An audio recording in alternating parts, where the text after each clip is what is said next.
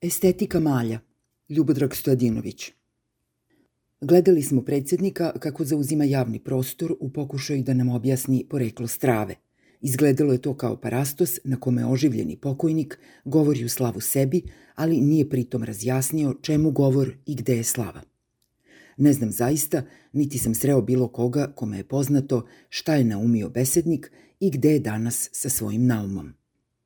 Šta mu se zaista dogodilo da onako izađe pred svet, uveren da bar još jednom ima šta da kaže. I ranije su njegovi ispadi bili izazvani zastrašujućom količinom vere u svoju posebnost sa kojom se ništa ne meri. Može da govori koliko god hoće, bilo gde i o čemu želi.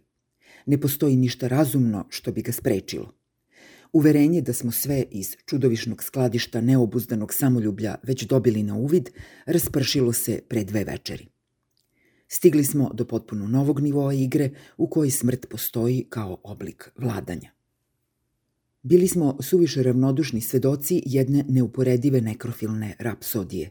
U njoj je triumfalno prikazana javna negacija života kao oblika postojanja.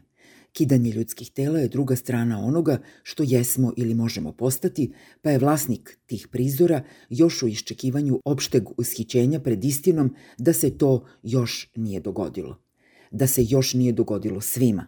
Nestajanje je bilo svuda oko nas, jezivih kao nasilno razaranje živog tkiva. Onaj koji je sve to kontrolisao ili mogao to da čini, javlja da nas je spasao. Ali od čega? Da li je želeo da svoje zatvorenike koji su mu bili saveznici i kao saveznici postali ubice, da pripiše nama i podeli ih sa svojim narodom? I junaci i zlikovci potiču iz istog roda – delimo sve na ravne časti, to je poruka, mi i on, sve sa njima u zajedničkom pohodu na nas. Ali on taj kasapski tim poznaje bolje od svih. O njima smo saznali samo ono što je želeo da nam kaže. Jesu li oni bili garda koja čuva kralja u slobodno vreme ili batinaški deo milicije koja ubija Boga u ljudima koji su izašli na proteste protiv tiranije? Ili su samo bili blizu gospodara zaraze, tek tako za svaki slučaj? Stalno mu neko preti i poteže nešto na njega, pa su počeli i oni. Iznenada su prestali da budu čuvari dvorskog spokoja i počeli da pribavljaju snajpere. Umeđu vremenu su komadali ljude, rastapali ih u sonoj kiselini i nosili u kesama po prljavoj varoši. Živeli su od svog rada. Kako ništa od toga nisi znao, predsjedniče?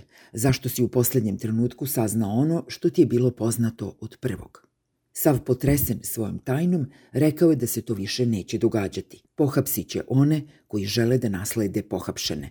Samo su potrebni dokazi, bez dokaza ima onoliko stvari koje će dovoditi predsednika pred kamere. Videli smo kako izgleda glava smrskana macolom. Neka vam ne bude teško da to pojmite, to nam je pokazao šef države, da šokira nas i čitav svet, da dobijemo 30 sekundi i sklonimo decu, da utuvimo šta je to ljudska glava u stvari – ljuspa oraha, ništa, slabašne kosti, neotporne pred maljem, likvor i siva masa, oslobođene oklopa. Sve važno što se događa u ovoj Srbiji konačno se realizuje kao estetika beznađa, jeftini dramolet, crna komedija, ali i smrtonosna drama. Srbiju u životu drže samo opela, pa je predsednikov govor bio osobeni izlet u zagrobno, opčinjenost strašnim nasiljem i traganje za svojim zaslugama i krivicom zašto nije još gore.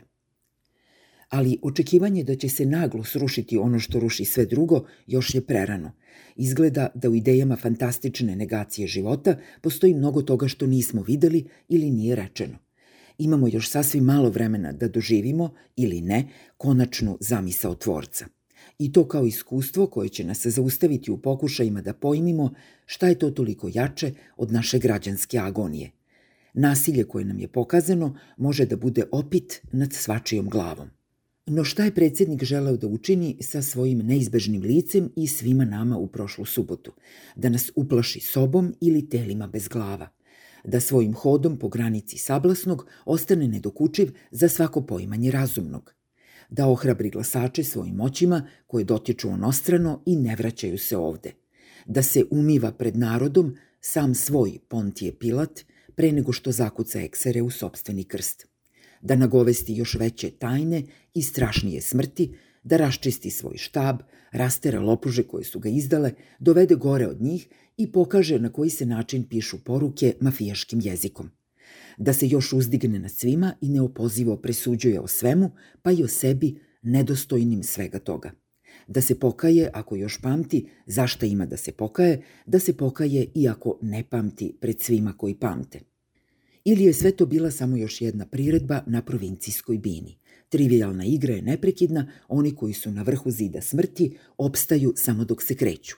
Svi koji padnu i saviju se bilo pred kim neće opstati. Bili smo svedoci jednog faustovskog pakta, čina vladanja koji više nije u moći da bilo koga osim vladara drži u strahu. To je samo obred koji izaziva mamurnu pospanost, jedan od mnogih koji sledi. Ali još nismo razumeli šta nam se događa. Ništa ne znamo o sebi pred strahom da sledi nešto još mnogo gore. Ako smo uvereni da bilo šta znamo, onaj koji je govorio u subotu siguran je da nas je razuverio. Videli smo da je samo smrt na njegovoj strani.